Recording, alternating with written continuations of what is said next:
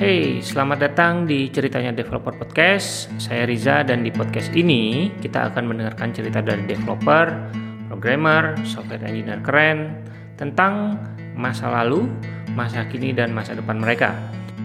Tentang bagaimana mereka memulai karir sebagai developer. Kita juga akan mengorek-korek cerita tentang komputer pertama mereka, pengalaman coding pertama mereka, hingga pekerjaan pertama mereka sebagai developer. Podcast ini disponsori oleh Hactivate, Coding Bootcamp di Jakarta, tempat di mana saya berkarya. Terima kasih banyak Hactivate karena telah memberikan saya keleluasan waktu, tempat, dan beberapa device yang bisa saya pinjam untuk keperluan podcast ini. Oke, dan di episode kali ini kita akan mendengarkan cerita dari seorang web developer, hmm. ekspertisnya di Laravel, ya. JavaScript, uh, Node.js juga bisa, Vue, React, ya serba bisa lah ya dan pernah jadi desainer juga. Iya. Terus sekarang uh, instruktur ya, instruktur yang oke banget namanya Rian Akbar, instruktur Activate, sekantor kita. Iya. Terima kasih sudah bersedia untuk datang di interview uh, dan uh, di interview di podcast ini. Agak dipaksain sih sebenarnya ya. Gimana kabarnya? Alhamdulillah baik baik. Baik ya. Yeah. Tadi kan kita udah cerita sekilas tentang Rian nih. Boleh nggak dilanjutin ceritanya? Terutama buat yang belum kenal siapa sih sosok Rian Akbar ini? Oke, ya nama gue Rian Akbar seperti yang disebut Mas Riza tadi. Mm -hmm. Kayak gue di sini sebagai instruktur di Hactivate bareng Mas Riza ya. ya. Uh, Udah berapa lama di Hactivate? Udah setahun, setahun, setahun. ya setahun, setahun lebih, lebih lah, ya? setahun lebih di Hactivate. Oke. Okay. Ya menyenangkan di sini. Asik. Asik. Oke, okay, uh, eh, gua uh, mungkin cerita sedikit. Mm -hmm. Awal kali gua pertama kali megang komputer, yeah. itu sekitar umur berapa ya kelas 1 SD atau apa kelas 1, kelas 1 SD. SD ya itu gue megang komputer karena ngelihat karena kebetulan dulu gue pernah apa punya PC di rumah. Mm -hmm. itu punya bokap sih. Jadi uh, eh, gue ngelihat bokap kerja di komputer kayaknya excited. Dan waktu awal-awal itu ya gue basically pakainya dulu tuh ngetiknya pakai WordStar WordStar ya, ya di DOS oh, gitu di ya? DOS ya, di DOS dan OS masih DOS tuh dulu tuh gue ingat banget. DOS berapa? Ingat nggak? Enggak. dan itu pun gue masuk ke Warstar pun di mas di run dulu sama bokap baru gue ngetiknya di situ. Oke. Okay. Nah itu gue hampir tiap hampir tiap hari lah hmm. ngetik apa yang ada di kaleng susu, kaleng makanan, terus kayak di kemasan-kemasan makanan. Ketik apa aja ada yang Eh, kata-kata di situ itu yang gue ketik. Ya. Dan ya basically karena gue ngelihat bokap uh, kerja pakai komputer dan kayaknya excited ngetik-ngetik segala macam, hmm. jadinya gue pengen juga ngetik itu dan ya dikasih lah ibaratnya okay. dikasih sama bokap. Nah, awal gue megang komputer sih di situ sih. Hmm. Itu hmm? bokap uh, beli komputer itu buat kerjaannya kah atau iya, buat apa? Buat kerjaan sih. Oh, Waktu itu buat apa? kerja Pokoknya waktu itu di salah satu bank sih. Salah satu bank. Nah, salah satu okay. bank. Jadi kerjanya dan gue kalau dengar cerita cuma gue nggak tahu sih dulu sempat belajar coding juga tapi kayaknya bahasa-bahasa yang zaman dulu banget itu. tapi nggak nggak nggak apa ya nggak ditekunin mungkin di situ ya. Okay. Basically emang buat kerjaan sih ngetik segala macam. Sama ini sih karena oh ya, karena dulu bokap itu pas kuliah. Pas kuliah. Iya, kuliah jadi bikin skripsi kan perlu komputer. Iya, iya, iya. Oke. Nah, uh, setelah pengalaman pertama hmm? uh, bermain-main komputer tuh SD kan? SD. SMP SMA itu ya. komputer biasanya dipakai buat apa? Buat game atau? Buat game. Buat game. Ya. Udah pasti buat Udah game. Pasti. Dan ya seringnya buat game sih. Terus SMA ya udah kenal warnet segala macem jadinya make komputer ya karena memang pasti buat game. Pasti buat game. Pasti buat game. Di warnet juga main game? Iya main game. Oke. Okay. nah terus uh, pertama kali coding itu kapan? Pertama kali coding basically gue waktu itu dulu gue nggak tahu sih ini coding apa bukan. Gue sempet kayak ngoding itu gue bikin bot buat game RO Ragnarok. Iya, online. Ragnarok online, bikin game, eh, bikin, bot, bot. lah, bikin bot. Jadi karakternya bisa hunt sendiri, jalan sendiri, ya. Bikin tuh dulu pakai open core. Jadi kayak script gitu ya. Iya, gue bikin script script pakai open core. Nah awalnya sih dari situ ya gue ngeliat sih kayak coding lah itu ya. Hmm, mirip-mirip ya. Mirip-mirip lah, meskipun gua nggak tahu itu dulu bahasa apa ya. Oke. Tapi gue ngikutin pattern yang ada. Nah dari situlah. Terus kuliah, gue kebetulan kuliah di IT, eh di SI Sistem Informasi di Fakultas Komputer juga. Oke. Dia dari situ gue ngoding, ngoding pertama kali itu karena di semester 1 hmm, apa ya? Semester 1 itu dulu C, C, C, C ya? masih pakai Borland Oke. yang biru semua layarnya. Ya, itu gua belajar dari situ. Oke. Nah, terus dari pengalaman pertama coding Mm-mm. itu yang tadi kan udah bikin bot uh, Iya. buat game, terus di kampus juga belajar. terus apa sih yang bikin Rian itu uh, pengen coding terus sampai sekarang? Yang bikin pengen coding itu karena mungkin gua ngerasa apa ya? Kayak eh, en- eh, nyaman aja lah gitu Nyaman. kayak nyaman. Di misalnya ibaratnya di coding tuh lu ngoding dan itu berhasil ya. Mhm. Itu tuh kayak wow gitu. Keba- Bahagia bahagia ya. di situ ya. yang bisa create something tuh kayak yang wah gue udah bisa ini gitu. Meskipun ya ibaratnya nggak ibaratnya kayak kalau programmer tuh nyoba hal baru terus bisa hello world aja tuh udah seneng, gitu. banget ya. kayak dia bisa nge-solve satu problem tuh ibaratnya seneng lah. Oh, solve problem gitu ya. solve problem di situ kita bisa ngapain. Terus nah itu yang bikin gua kayak yang oh, oke enak nih ngoding nih seperti itu gitu sih. Oke. Nah, dari uh, pengalaman pertama kali coding Hmm. udah sekarang kita lanjut ke pekerjaan pertama. Ya. Pekerjaan pertama, pekerjaan pertama waktu itu gua sempat jadi web developer di Lito. Lito. Iya, mungkin karena gue sering main RO ya, jadi gua kerjanya juga di Lito. Oke. Iya, jadi gua jadi web developer di situ. Web developer. Ya, di situ gua dulu PHP pastinya. heeh. Di Lito itu dulu masih PHP native Oke. dan di situ gue megang berapa websitenya Lito empat kalau nggak salah empat yang website Lito. empat website Lito iya eh, yang existing sama yang waktu bikin baru itu ada satu websitenya gue sempat bikin baru Hmm. cuma gue situ nggak terlalu lama cuma berapa bulan Itu tahun berapa? Lulus kuliah? lulus kuliah itu sekitar dua- 2010 atau 2011 2010 2011. ya lulus kuliah gue langsung kerja Kerja. Nggak lama dari situ pindah lama ke dari situ pindah ke Inixindo waktu Inix itu Indo. Inixindo itu Inix Indo itu training kan? Training Iya, center ya? training center, training center. Tapi waktu itu gua masuknya sebagai web designer. Web designer. Web designer, nah di situ gua kayak yang eh, ngedesain dikit-dikit sama ngerjain websitenya. Tapi lama kelamaan akhirnya ngajar juga di situ karena pada saat itu li, apa Inixindo kekurangan instruktur lah ya. Karena ada kelas kelas buat PHP-nya banyak. Mhm. Eh, jadi instrukturnya ah, udah habis buat kelas yang lain, jadinya gue di Desain. desain buat ngajar juga. Oh jadi pengalaman pertama ngajar justru di situ Di ya? Inixindo, iya pertama kali ngajar di situ. Tapi yang menarik adalah kenapa milih web designer dari developer gitu kan, dari SI terus jadi web developer di Lito terus tiba-tiba berubah haluan ke desainer.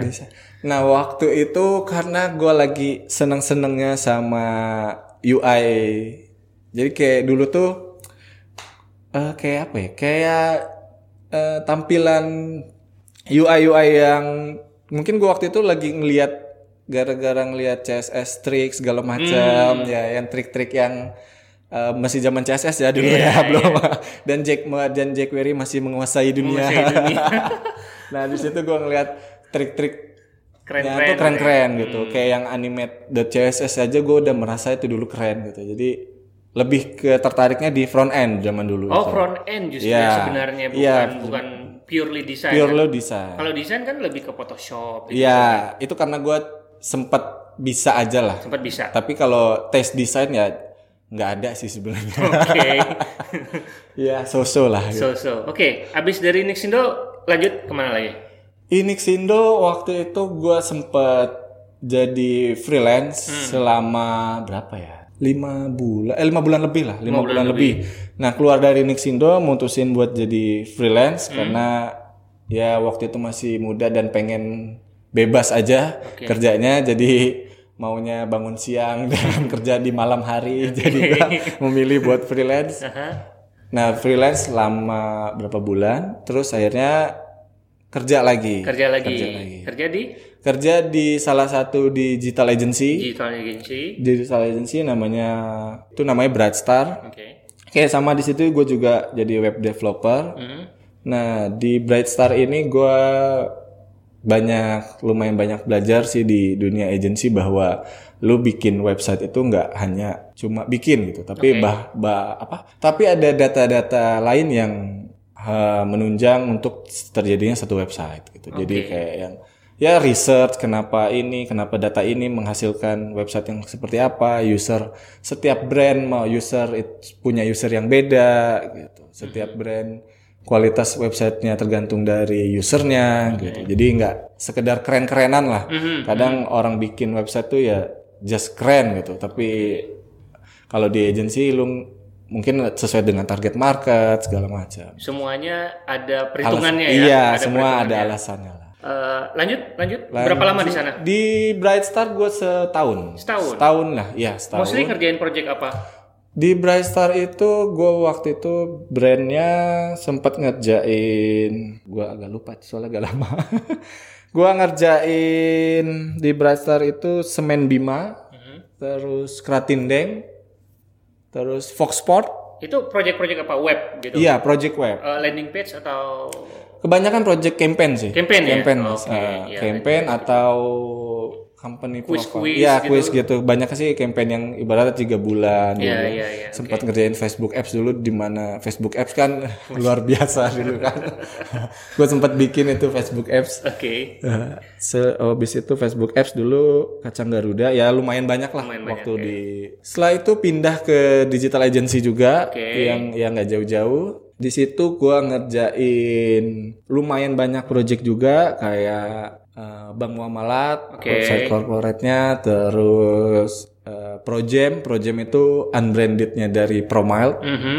Terus ngerjain apalagi gua di eh, Dermatics Itu juga sama. Sama. Eh, web, eh, web, campaign, campaign, quiz, ya quiz, ya rata-rata kalau agency pasti pasti ke berkutatnya sana ke ya. campaign sih. Oke, kita lanjut ke pertanyaan berikutnya. Punya momen yang membanggakan nggak selama jadi developer? Momen yang membanggakan itu pada saat kayak lu bikin sesuatu yang ibaratnya dulu di agency itu kayak membanggakannya kayak ibaratnya kalau di agency itu timeline pasti mepet Ketat banget ya, ya. ketat ya. Ya, banyak project Bandung Bondowoso di sana. Jadi kayak yang zaman dulu lu bisa mengerjakan ibaratnya yang hampir impossible tapi lu bisa make it nah itu Itu seneng banget. seneng sih mas Eh, bangga lah ibaratnya bangga ke diri sendiri lah Oke. iya ibaratnya wah gitu bisa ngerjain yang luar biasa bahkan gue pernah dulu Lufthansa gue di brief pagi besok harus jadi Dan berhasil. dan berhasil ya berhasil ya Mantap. meskipun proyeknya ya jalan sih akhirnya jalan Tadi kan membanggakan. Nah, Hmm. sekarang kita balik. Jadi punya nggak momen yang memalukan selama menjalani karir sebagai developer? Waktu itu gua yang sempat gua lup gua kayak ini. Yang memalukan adalah gua jadi waktu itu ada bikin satu email kayak email apa ya email verifikasi. Eh bukan eh, kayak kontak us gitu. Oke. Nah, nah itu gue masih nembak ke email gue pribadi. Oke. Iya. Sampai on production gue lupa buat ganti email itu dan itu pas waktu itu gue meeting eh, nyoba nyobanya itu memalukannya adalah gue pas bilangnya pada saat testing ya Hmm. Eh, bukan testing malah oh apa ya kayak eh, apa sih kalau UAT. UAT ya, UAT ya, Nah, UAT pada saat UAT-nya itu, nah yang bosnya klien gue lah, klien Hmm. gue itu yang lumayan tinggi, nah dia nyobain, pada saat dia nyobain kok nggak masuk masuk Oh, gitu, masuk. nah dan gue berpikir apa, gue seingat gue tuh udah gitu Udah, ya kan, sudah, oke. dan akhirnya pas gue ngecek ke codingannya ternyata masih di email gue itu yang gue Malu. malu ya dan itu pada saat itu gue apa pis- eh, kok laptop gue nyolok ke proyektor ya. Jadi tunjukin ketahuan ya. di situ ya. Oh, masuk ini Masuk ya. ya, ya, oh ternyata belum saya ubah maaf gitu. Jadi ya, ya itu malu banget sih jadi. ya. Oke.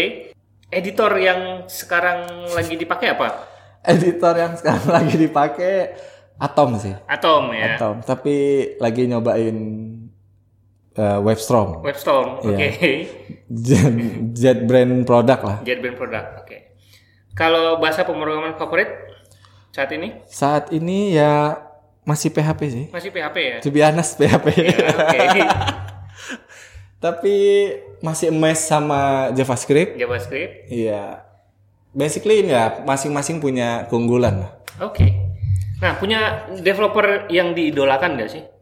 Developer yang diidolakan. Kalau developer yang diidolakan gue nggak eh, si Evan Yu masuk gak sih? Evan Yu masuk. Oke, dia mungkin dia ya yang basicnya bukan ngoding tapi dia bisa ngoding gitu kan. Ibaratnya dia kalau menurut gua membuktikan bahwa apa ya ngoding itu problem solving lah. Problem solving. Ha-ha, bukan lu bisa Lu punya background. bukan punya background gitu. Dia karena kan ibaratnya dia backgroundnya bukan, ini Bukan kan, IT. bukan ya ibaratnya nggak berkecimpung di dunia itu Hmm. yang secara lama lah gitu. Nah dia ibarat gua ngeliat dia kayak yang ya bahwa lu nggak punya background IT pun ya bisa. Bisa. Dan ya programming itu masalah problem solve. Masalah problem solve. Oke.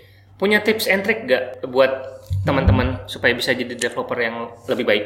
Oke, buat teman-teman mungkin ini ya, jangan puas dengan satu cara. Ibaratnya lu udah bisa gitu ya, lu harus cari why-nya dan harus cari tahu best practice-nya seperti apa. Oke. Di balik layarnya apa yang terjadi. Hmm. Ya, seperti itulah. Jadi jangan cuma bisa pakai lah ibaratnya. Jangan cuma bisa pakai, Iya. bisa jalan. bisa jalan udah selesai gitu. Tapi lu mesti cari tahu apa yang terjadi di baliknya juga lah. Ibaratnya lu harus tahu apa yang lu tulis. Oke, harus tahu apa yang lu bikin. Bikin lah gitu. Ibaratnya jangan sekedar programmer copy paste lah ibaratnya. Iya. Oke, nah eh, kalau ada teman-teman yang eh, dengerin podcast ini terus mau kontak-kontakan dengan Rian, eh, mendingan lewat mana? Facebook kah, Twitter kah, LinkedIn kah?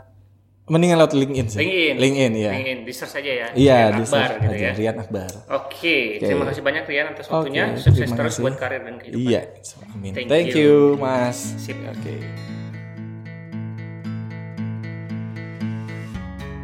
Itu dia episode ceritanya developer podcast kita dengan Rian Akbar. Kritik dan saran atau sekedar hai boleh kirim ke email rizafami@gmail.com atau DM di Twitter @rizafami22. Yang belum subscribe tolong dong di subscribe, di rating, kemudian di share gitu ke teman-temannya supaya podcast ini semakin berkembang dan semakin banyak pendengarnya. Oke, kalau mau subscribe bisa di Apple Podcast, Pocket Cast, atau Anchor FM, Stitcher, dan podcast klien lainnya. Sampai jumpa di episode berikutnya. Bye.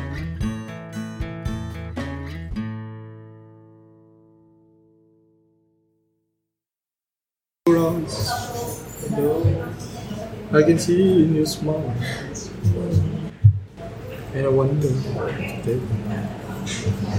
someone love Lagu Hello yang baru dong, jadul amat.